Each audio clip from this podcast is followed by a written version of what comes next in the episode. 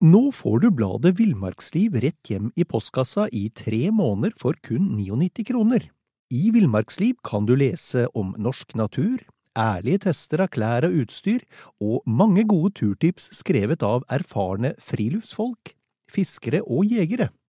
Send SMS VILL36 til 2205 og motta bladet allerede neste uke. Lev livet villere med bladet Villmarksliv. Even on a budget, quality is non-negotiable. That's why Quince is the place to score high-end essentials at 50 to 80% less than similar brands. Get your hands on buttery soft cashmere sweaters from just 60 bucks, Italian leather jackets, and so much more. And the best part about Quince, they exclusively partner with factories committed to safe, ethical, and responsible manufacturing. Elevate your style without the elevated price tag with Quince. Go to quince.com slash upgrade for free shipping and 365-day returns.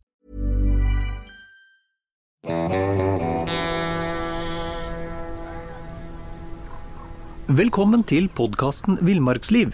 Mitt navn er Knut Brevik, og jeg er redaktør i bladene Villmarksliv, Jakt og Alt om fiske. Og jeg er Dag Kjelsås, og jeg har også jobba en del med de bladene gjennom noen tiår. Det har du, Dag. I, I, dag skal vi snakke med Norges beste naturfotograf i 2020, vi. Vegard Aasen. Gjennom ti runder i, NM i naturfoto som Villmarksliv arrangerer, imponerte han stort. Og av de syv beste gullbildene i hele konkurransen sto Vegard for eh, seks av dem. Det må kunne kalles en knusende seier, Vegard? ja. Eh, jeg vil ikke helt si knusende seier, da. Det hørtes litt voldsomt ut når du sa det nå, men jeg, eh, jeg, lå jo bak helt til siste slutt, da. Så jeg snek meg ikke forbi eh, før jeg, etter utdelingen på siste runde der. Så jeg vil ikke knusende seier, men jeg vant til slutt. Eh, hadde du en taktikk med å spare de beste bildene til slutt? Nei, jeg hadde ikke det. Jeg, jeg holdt bitte litt tilbake i starten, for jeg hadde jo egentlig altfor lite bilde i arkivet. Så um, ja, jeg, hadde ingen taktikk med det, nei. Jeg bare var heldig og fikk, um, fikk tatt mange gode bilder i løpet av året. Så da, da ble det bedre etter hvert. Hvis jeg hadde spurt uh, noen som bor sammen med deg eller kjenner deg godt, hva hadde de sagt da? Hadde de sagt at du var lite å se blant folk i en periode, eller? ja, definitivt. Det, det, jeg var mest ute i skogen. Nå var det jo korona og sånt i tillegg da, som gjorde at jeg, jeg var jo ikke veldig sosial den perioden. Men, men hun jeg bor sammen med, hun, hun får meg nok mindre enn hun gjør til vanlig. Ja. men du, jeg må nesten spørre deg, Vegard, hvordan, hvordan starta det hele? Eh, Nei, Det, starta som det gjør for mange, tror jeg. At jeg, jeg har alltid vært interessert i naturen og dyr og, uh, og, å være ute. da. Um, så fant jeg kamera til, uh, til, mamma og begynte å fikle med det. og fant ut at det var veldig spennende. I starten så ble jeg veldig fascinert av makrofotografering. da, Å ta bilder av, av insekter og små ting som man ikke kunne se med øynene. Og så um, og så utvikla det seg derifra, da. Um, men, men, det starta med, med, at jeg lånte mamma sin kamera. Akkurat. Baller det på seg. Jeg, jeg, jeg, tenker litt på når du begynte å bli seriøst opptatt av naturfotografering. Um, hva var det første motivet eller første bildet du tok hvor du tenkte som sa at fytti rakkeren, det her er bra? um, det, det, første bildet jeg syns var bra sjøl, det, det var en bilde av en, eh, av en frosk jeg tok. En buksnutefrosk som krabba over asfalten av en bilvei.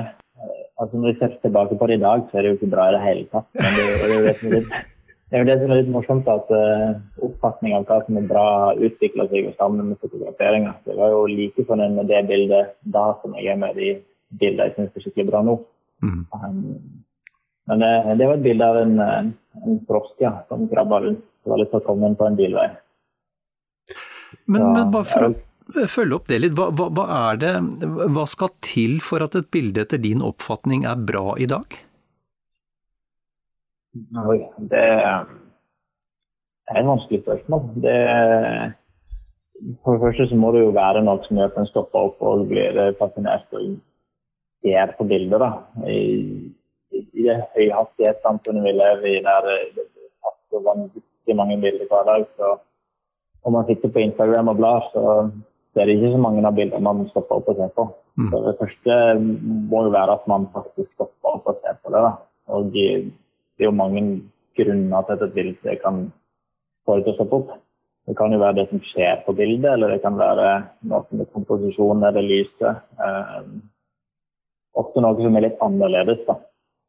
Um, det er heller ingen fasit på hva som er et bra bilde, og heller ikke på hva jeg syns er et bra bilde. Det, jeg liker å bli overrasket. Vi, vi, som sitter i fotjuryen på NM, vi, vi har Vi liksom Vi alle sammen stopper opp. Og det er noe av denne effekten ved et godt bilde vi har, hvis vi ser det bildet, det er sånn fy f-effekten. Altså faktisk, herregud, det, var, det skiller seg ut. Og det, den derre støkken, den får du det det er, umulig å si akkurat hva det kan være for noe, men er, du får en sånn liten støkk på at det var jo dramatisk. Eh, ta eksempel det bildet du har av en fjellklatrer med månen i bakgrunnen, tydeligvis tatt veldig seint på kvelden eller tidlig på morgenen, det veit jeg ikke. Eh, og den, den, effekten eh, det bildet ga, det, sånn, det, det gir en liten støkk i deg, og det er vel kanskje den du er ute og jakter etter? Ja, ja det, det, er den wow-effekt, eller FT-effekt, altså, hva vi liker å kalle den. Det, det, er den, altså. Og det er, ikke, det er jo ikke lett å si når du får den. Så det er jo veldig spennende òg, da. Um, så ja, det, det, det er den jeg jakter etter. Ja, for det, det, er vel veldig mye planlagte ting du har jobba med. Når vi, når vi eh, for å fortsette med han som går mot månen og som er tatt med et eh, eh, teleobjektiv, men kanskje ikke kjempekraftig. Men i alle fall, du, du, du, har på en måte planlagt, og jeg kan tenke meg du hadde radiokontakt med han som gikk der òg? Stemmer det. det vi, vi, var ikke tilfeldigvis på hvert vårt fjell der oppe midt på natta. Så, jeg er glad du brakte det på det rene.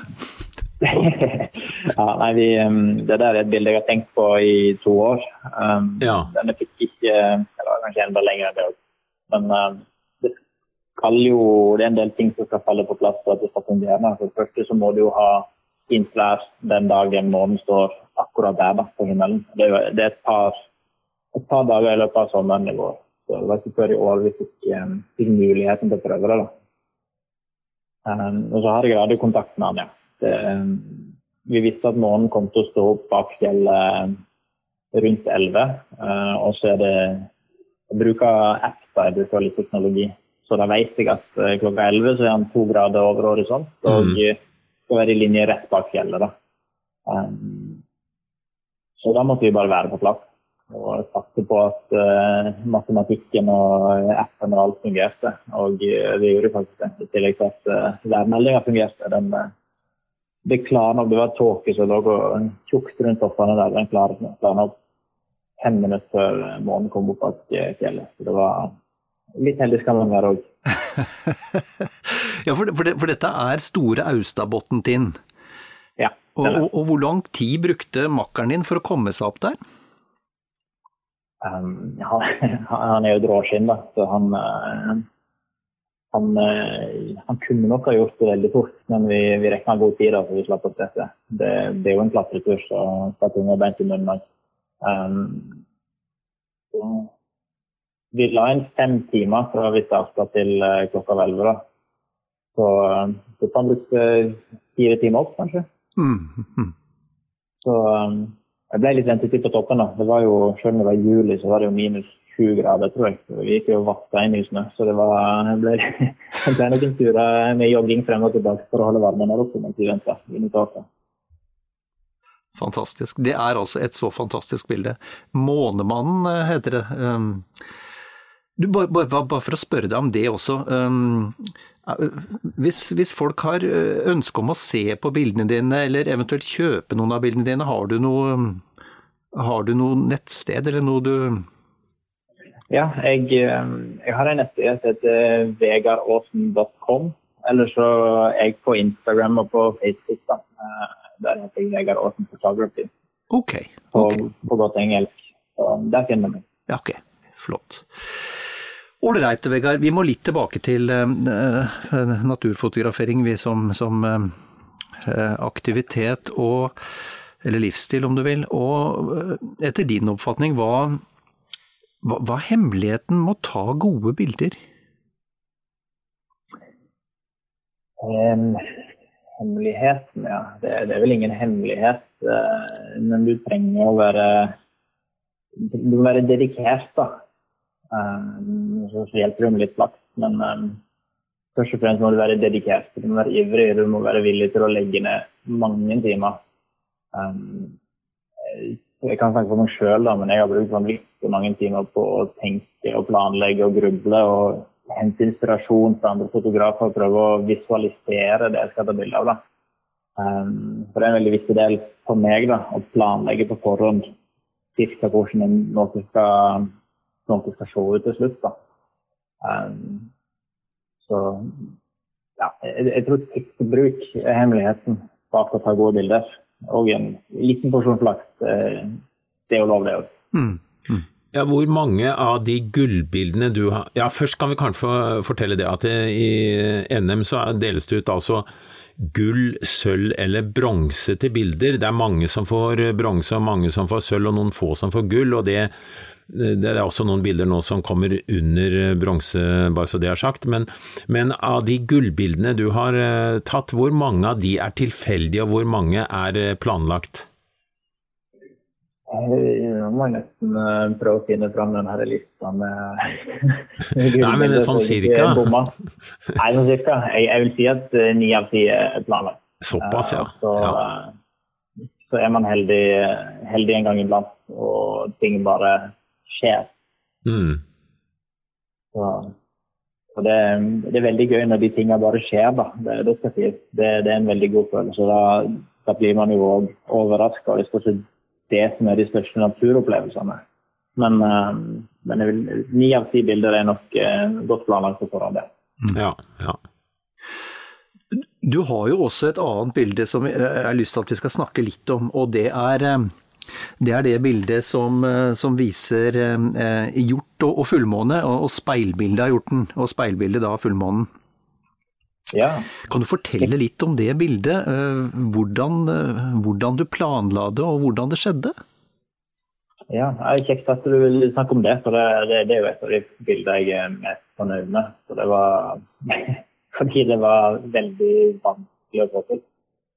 Um, men um, tanken var at jeg hadde lyst til å få til en refleksjon av en uh, hjort- og stjernehimmel i første omgang. Um, men uh, det krever jo fint vær på en uh, dag der det ikke er måne. da. Mm. Ja, så- Så det, det skjedde bare ikke. Um, men så da, da fikk jeg muligheten til å, til å endre tankegangen og tilknytningen til fullmåne. Da blir det litt vanskeligere teknisk med blitt og sånt. Um, men vi trenger ikke å ljuge på det, for det blir litt, eh, litt vel nerdete.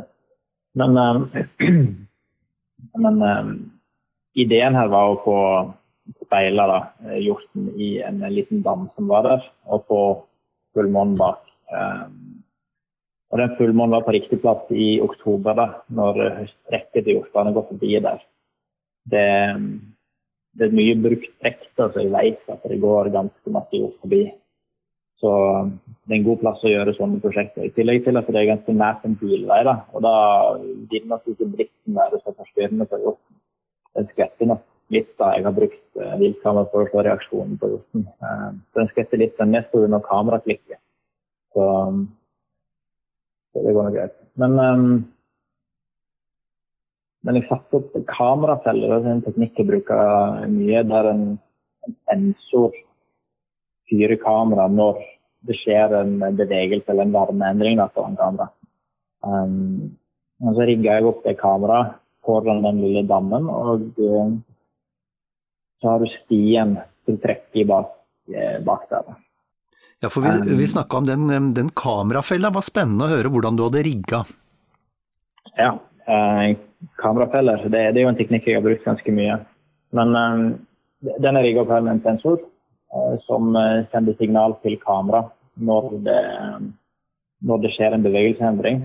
Og så fyrer kameraet, og da fyrer den òg de blitsene som eh, jeg har fått opp til å lyse opp akkurat der hjorten forhåpentligvis forbi. da. Mm.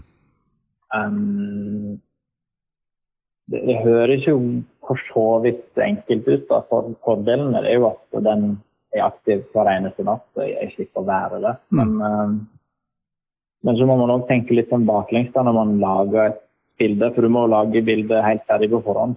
Uh, og gjort noe liksom på, på centimeteren nesten. på. For, for, at det skal klaffe. Så det er liksom veldig, veldig lite som skal til for at det ikke fungerer. I tillegg til at det alltid er mye teknisk trøbbel da, med sånne ting. Det regner, altså Jeg har brukt en 14 mm vinkel for de som kjenner til sånt. og Da, da har du ingenting som beskytter objektivet. da, så Det var ganske mange netter der det var fukt som satt i objektivet, eller det regna litt som satt i objektivet. Eller så var jeg litt plaga med at uh, laua begynte å dette av treet. Så det er veldig mye lauv på, fram på objektivet. Akkurat. Uh, så jeg har ganske mange ubrukelige bilder der uh, objektivet var tildekka. Eller så fyrte ikke blitsene, så det ble klart. Eller så tørka dammen opp, og det var jo ganske varmt på dagen. Så jeg måtte fylle på den litt da, med bøtte inniblant. Um, og så, ja. Og det lau, at lauet av treet var, var, litt problematisk med tanke på refleksjon òg, for det falt jo oppi dammen. Så var, jeg hadde tatt bilde uten refleksjon og uten måne òg, for så vidt. Så, men, um, men til slutt så klaffa det, da. Det siste dagen jeg hadde tenkt å la kameraet felles på ute, så jeg gikk forbi en siste og månen var på akkurat riktig plass når det skjedde. Så, så det klaffa faktisk slutt. da hadde det vært en del stang ut i forkant? Ja, det, det hadde det. Det, er jo veldig vanlig når man driver på det gamet her. Da. Så, men jeg hadde jo, jeg brukte jo en måned på vår trekk òg, der jeg prøvde å få det til med stjernehimmel. Men um, da ble det bare stang ut. Så dreiv jeg på fra starten av september til midten av oktober. da. Først med tanke på stjernehimmel, men da etter hvert med tanke på fullmåne. Um, så, så, jeg brukte to og en halv måned før det, før det ble et bilde ut av det. Nå har du vel kanskje ikke regna på det, men, men, hvis du prøver raskt i huet nå å finne ut hva du har timebetalt, for du har kanskje fått noen kroner for å publisere bildet, men hvis du regner antall timer, hvor mye har du timene for sånn, en sånn jobb? Oi, det, nei, det, det, har jeg med vilje ikke tenkt på. Det, Nå hadde vi det, hyggelig i dag. Det er få kroner. To, ja, nei, men i hvert fall, hvert fall en to-tre kroner, da. Ja, noe sånt kanskje. Det, men, men jeg, jeg, tror det går i null, for jeg må spise og drikke òg. Ja. Og nå som vi hadde det så hyggelig. Ja, koster litt drivstoff og sånne ting. Så det, det er litt der dedikasjonen kommer inn, da. Det, ja, ja, det gir ikke nødvendigvis mat, nødvendigvis mat på bordet, den type fotografering. Men, men vi må vel da innrømme at et sånt bilde, det kan ikke folk med mobiltelefon få til uansett hvor mye vi vrir og vender på det. Så nå snakker vi på topp profesjonalitet og planlegging og alt som hører med.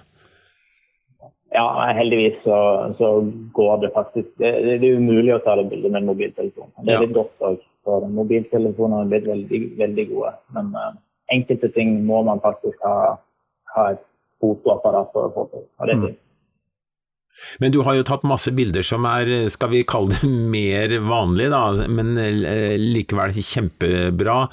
Og, og, hva tenker du med, hvis du skal gi råd til folk som ikke er så proffe, og som gjerne vil ha de litt spesielle bildene, hva er, det, hva er de rådene du vil gi da?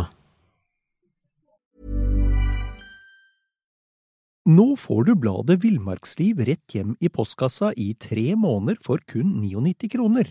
I Villmarksliv kan du lese om norsk natur, ærlige tester av klær og utstyr, og mange gode turtips skrevet av erfarne friluftsfolk, fiskere og jegere. Send SMS VILL36 til 2205 og motta bladet allerede neste uke.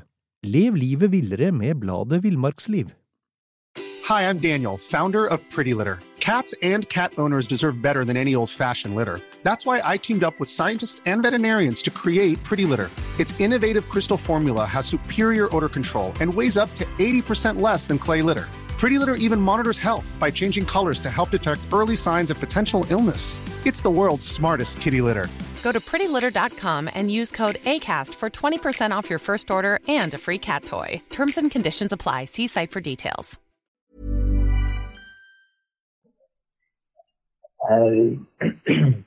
igjen da, så er det jo det med å uh, Du må være litt dedikert. Du må, du må, like det du driver med, og du må, du må bruke tid på det. Um, så det er jo det første, da. Um, altså alt etter hva du vil ta bilde av. Da. Skal du jobbe med dyr, så er det veldig viktig å lære seg dyra å kjenne om du vil ha noe spesielt. Det, det er en av de absolutt viktigste tingene som jeg har lært. At uh, jeg er nødt til å bruke en del tid på å lese meg opp og studere dyra om jeg skal få til noe som er bra. I hvert fall når jeg driver med kameraspill, da må du jo da må du ha dyra på, på centimeteren. Da. Så du må skjønne hvordan de beveger seg og, ja, og hvordan de oppfører seg. Um, når du vil ha det spesielle, så, så vil jeg anbefale å prøve å planlegge på forhånd. Og prøve å visualisere noe som kan være annerledes. Eh, gjerne ved å se på andre fotografer og stjele litt ideer, altså. Men, um, men planlegge på forhånd, det, det, er i hvert fall nøkkelen for meg, da. Mm. Og det vi ikke kommer utenom i sånne diskusjoner, enten vi vil eller ei, det er liksom utstyret. Nå snakker jeg ikke om kameramerker, men, men en grunnutrustning for en som vil få til litt Eh, bilder av dyr og, og, natur generelt. Hva, hva, vil du si om, om, det valget de bør ta da?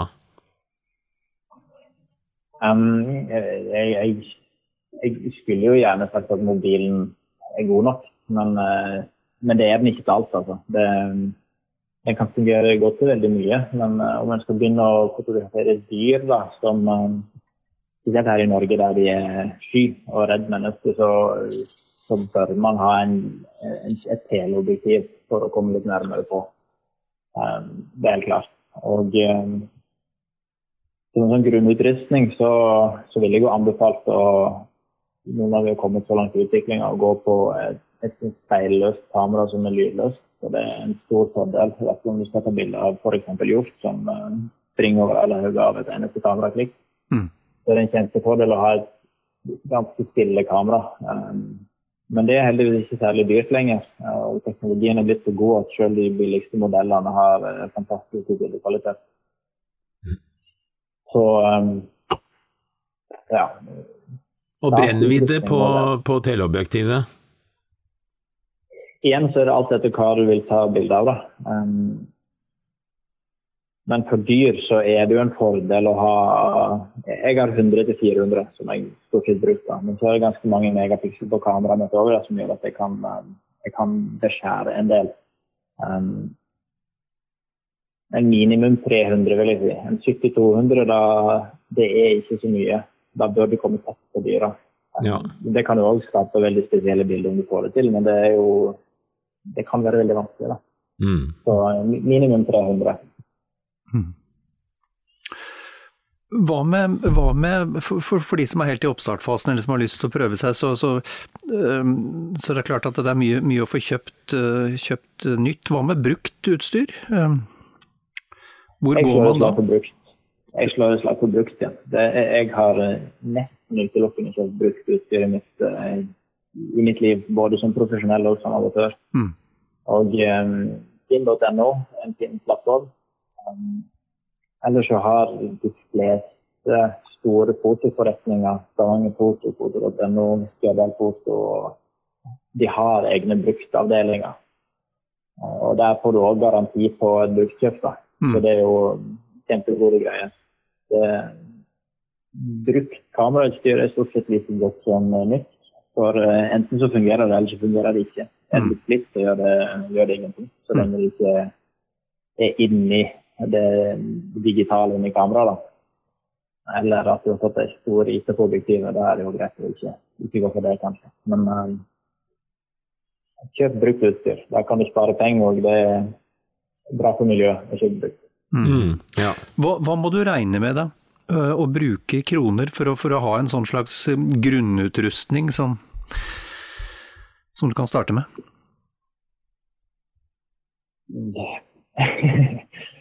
ja, det, det, det spørs hvor, eh, hvor eh, kresen man er på optikken, egentlig. Mm. Objektiv er jo det man eh, helst bør bruke mest tenkt på, fordi at de varer lenge. Jeg har mye optikk fra 70-tallet. Manuell optikk som jeg bruker på de kameraferdene mine. Um, men et, et teleobjektiv som er skikkelig bra, det koster litt. Men uh, da vil jeg anbefale å kjøpe fast optikk 300, eller noe i den dur. Og da Det koster noen lapper for et skikkelig bra et.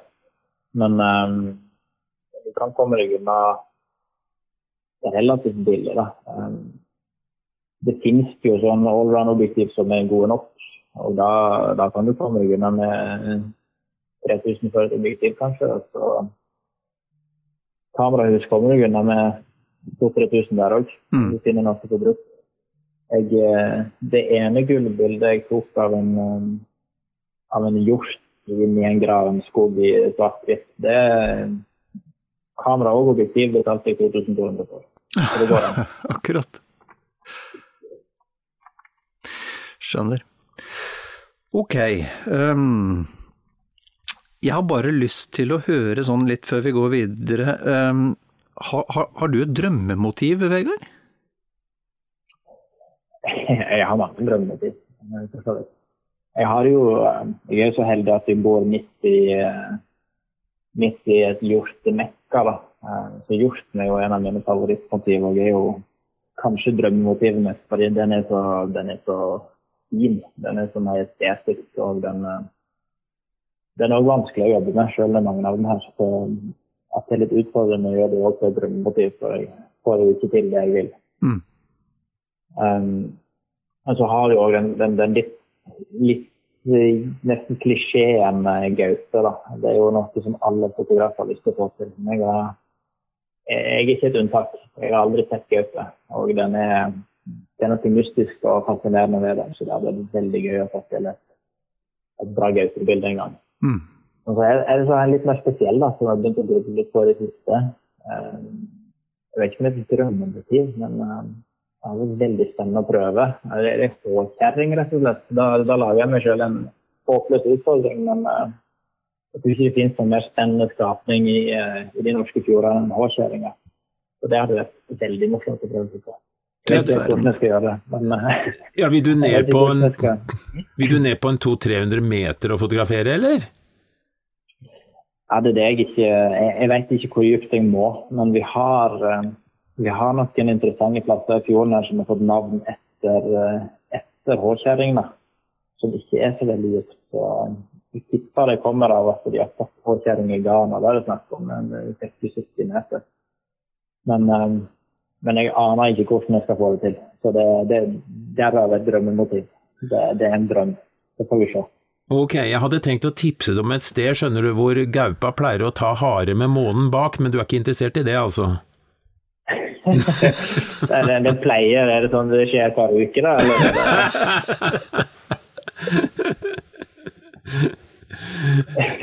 Ja, Du, får, du, du må ikke si det på podkast, du får sende meg en, en kryptert tekstmelding. Det, det er i orden. så tar vi videre derfra. Men, men, men, men under, undervannsfotografering, ja. eh, er det noe du har tenkt å, å bruke mer tid på? Ja, definitivt. Det, jeg har eh, akkurat begynt å fridykke, og det, det er en helt ny verden. Og å være under vann.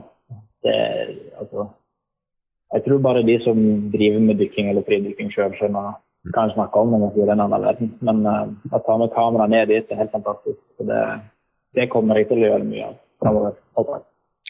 Vil det si at vi kommer til å få se noen bilder i eh, NM hvor du har vært under eh, havets overflate etter hvert, eller, eh, eller sparer du et år nå for å legge deg opp en bildebank for å prøve neste år igjen? Jeg kommer ikke til å få se det i år, nei. Jeg er helt skrapa. Og jeg var helt utslitt i, i november. Der. Det var, det var hard innspurt, så, jeg må nok ha et års til. Ja.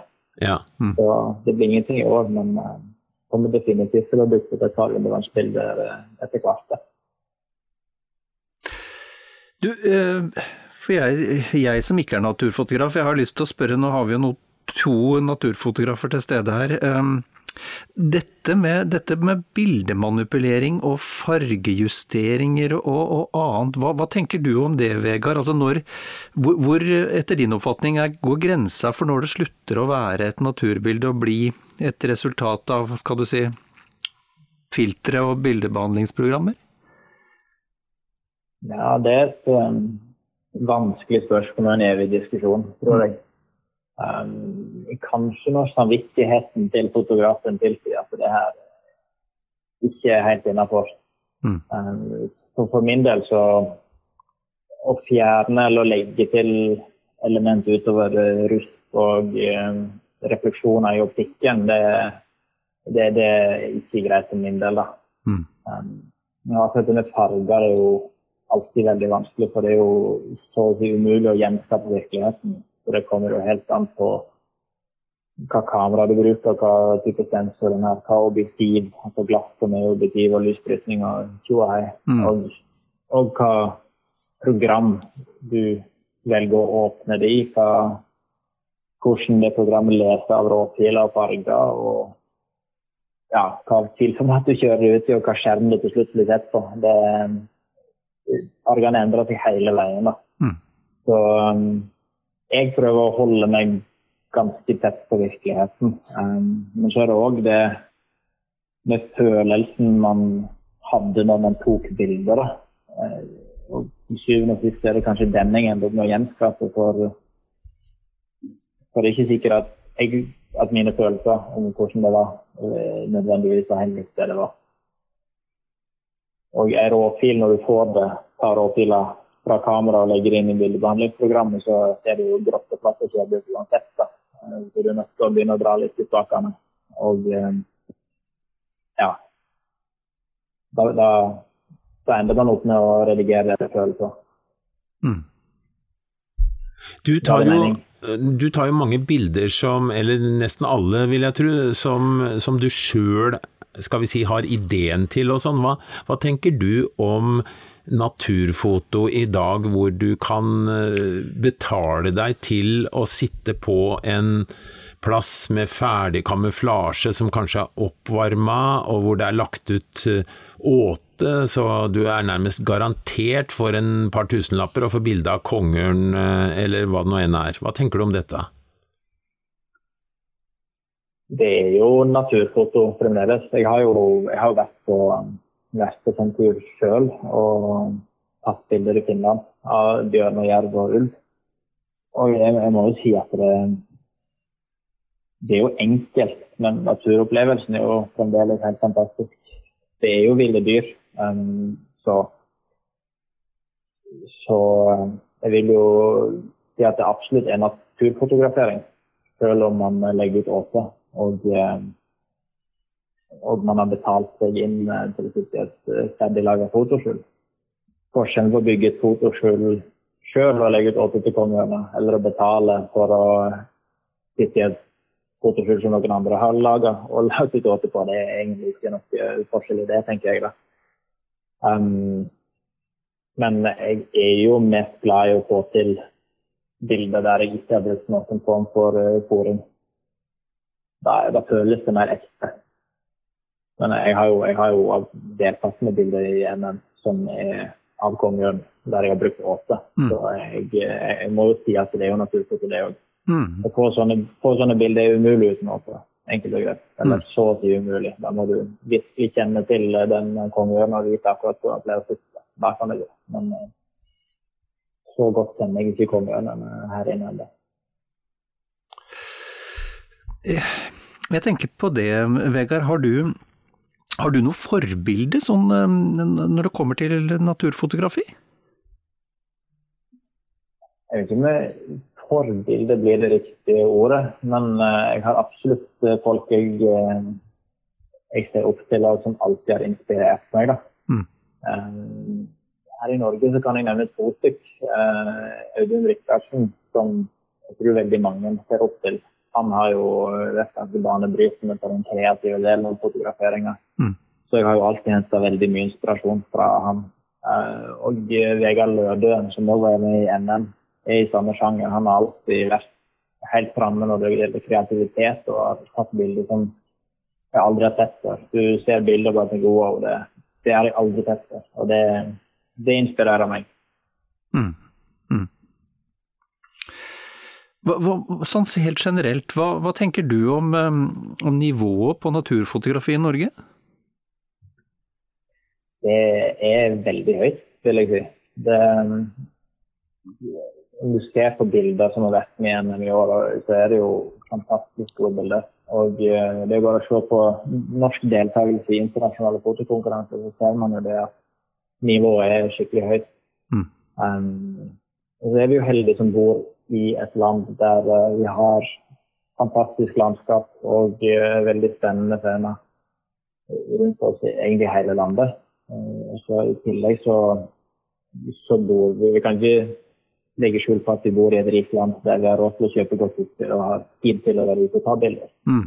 Så, så, det er nok en grunn til at nivået er så høyt i Norge. Mm. Ja, vi ser jo i eh, NM gjennom åra at eh, jeg er så enig med deg. Er, norske naturfotografer ligger på eh, De er blant de beste i verden, det er ikke noe å diskutere engang.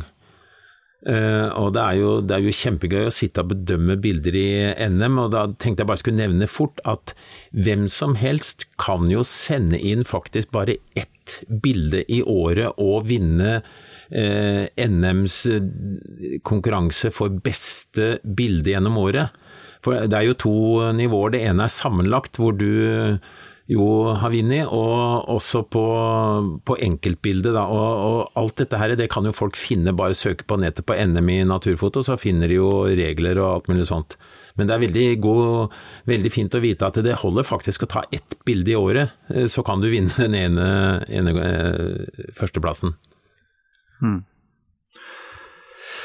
Eh, Vegard, jeg, sånn, når vi begynner å, å, nærme oss en avrunding her um, du ser jo, du ser jo naturligvis eh, hva, hva andre, andre, gjør feil, hva, og hva, hva gjør etter din oppfatning nybegynnere oftest feil når de, når de begynner med naturfotografi?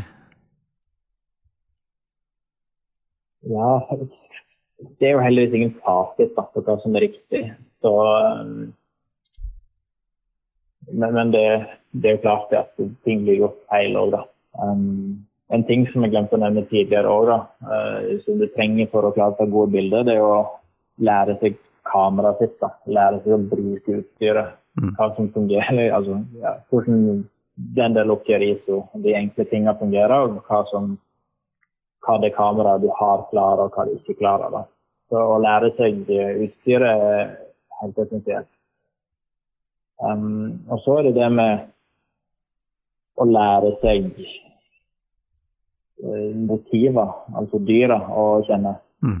For du kommer deg ingen vei om du egentlig ikke vet eh, hva du tar bilde av, eller hvordan det oppfører seg. I hvert fall ikke om du vil ha noe som er litt utenom det vanlige. da. Um, men så er det jo, ja, og, og, så er det det å være ute på riktig tid av døgnet.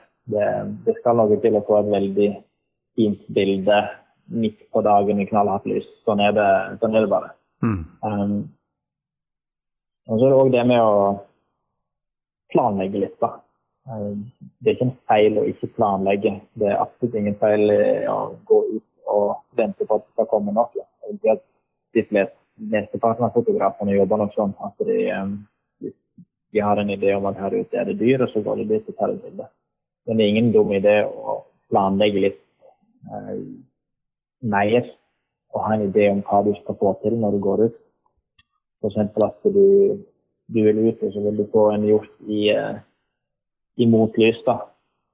da må du uh, plutselig tenke litt annerledes. Da må du vite hvor hjorten er, så må du vite hva side du skal komme inn den av, og så må du tenke på vinden.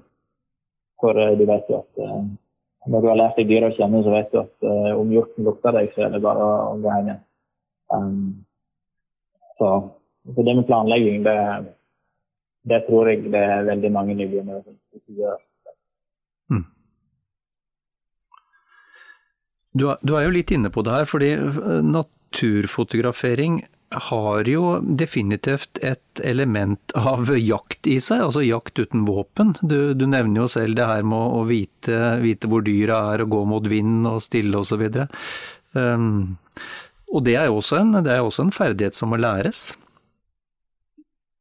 Ja, det, det, er helt klart. Og det ligger jo i det med å lære seg dyra å kjenne, men òg um, det å eh, kjenne området du skal inn i. Det er jo òg like viktig som å lære seg dyra. Om du vet hvordan dyra oppfører seg, men ikke aner hvordan det terrenget du skal gå inn i er, da går du deg antakelig fast eller havner på plasser der du bare ikke fungerer i det hele tatt. Mm. Mm. Så um, og det å knytte opp mot jakt, det blir, det blir jo egentlig akkurat det samme. Bare at jeg um, skyter, skyter hjorten med kamera mm. istedenfor ei kule og lar den gå videre. Mm. Um, så det, det, er veldig, veldig likt. Jeg tror at følelsen man sitter igjen med, er veldig lik òg, da. Så, så, veldig likt, ja. For meg så Jeg er ikke jeger. Jeg har vært, vært mye med på jakt. Har ikke noe imot det. Men um, for meg så føles det ikke riktig å skyte dyret og ta det med hjem på den måten. Jeg uh, har mye, mye, mer lyst til å la det gå videre og ha muligheten til å skyte det enda en gang. Det er, det er mye billigere òg enn å skyte det og ha det med hjem. Ja, for, for, for, det er jo en fordel du har som vi, som, som vi jegere ikke har. Altså, vi, vi får ikke situasjonen opp igjen mange ganger, men det kan du. Jeg kan det.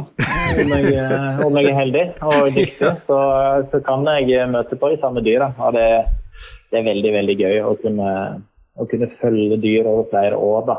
Noe jeg prøver å gjøre med noen hjorter. Det, det er litt vanskelig å følge med på, men, eh, men jeg har mulighet, muligheten til å gjøre det. Det gir meg veldig mye. Ja, ja. Du, du, kjenner du igjen enkeltindivider fra år til år? Ja, på hjort gjør jeg det. Mm. Um, og på andre dyr, for så vidt. Uh, noen er jo vanskeligere enn andre. Men um, i og med at vi snakker mye om hjort nå, jeg tar mye bilder av hjort, så den er ganske grei. I hvert fall bukkene, da. Kollene er litt vanskeligere. Men bukkene har jo gevir som ser ganske like ut fra år til år. Så, um, er det noen individer som, eh, som, du kjenner igjen, og som kjenner deg, sånn at de er blitt litt mindre redde? Jeg husker det var en naturfotograf som brukte tre måneder på å bli kjent med en elgfamilie, og, de tillot at han kom på 13 meter. Eh, da var grensa der uansett. Men har du vært borti noen sånne tilfeller? Uh, nei, jeg har, jeg har, ikke det, altså. Um, jeg, uten å vite det, så tror jeg at det kan være litt enklere med elg. De er litt mindre redde enn hjorten. Oh, ja, ja. Uh, men, men, så er det det med at uh, det er mange episoder der folk har blitt kjent med hjort. Um, men da er det gjerne gjennom um, mat og, ja. og fôring. da. Så hjorter som går nært gårder, er ofte blitt litt tammere og mer vant til folk. Vi hadde jo I Aurland her så var det jo en, en stor hjortebukk som ble fôra med boller hver, hver dag av ei av ei gammel dame. Så han klatra jo opp og stakk hodet inn i ruta hennes. Banka nærmest på for å få mat hver dag. Så, så, så, sånne ting skjer. Um, men det er mindre av det nå pga. Uh, CVD og at det ikke er lov å fôre. Ja. ja. Vegard, det har vært fantastisk eh, spennende å prate med deg. Eh, noe sier meg at du kommer til å være en del under vannoverflaten eh, det neste året, men, men uansett så ønsker jeg deg et riktig godt fotoår, og tusen takk for praten. Jo, sjøl takk. Det var veldig, veldig kjekt å være med. Takk for praten.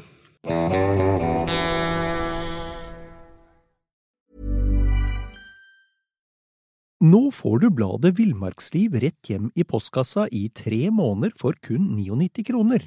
I Villmarksliv kan du lese om norsk natur, ærlige tester av klær og utstyr, og mange gode turtips skrevet av erfarne friluftsfolk, fiskere og jegere.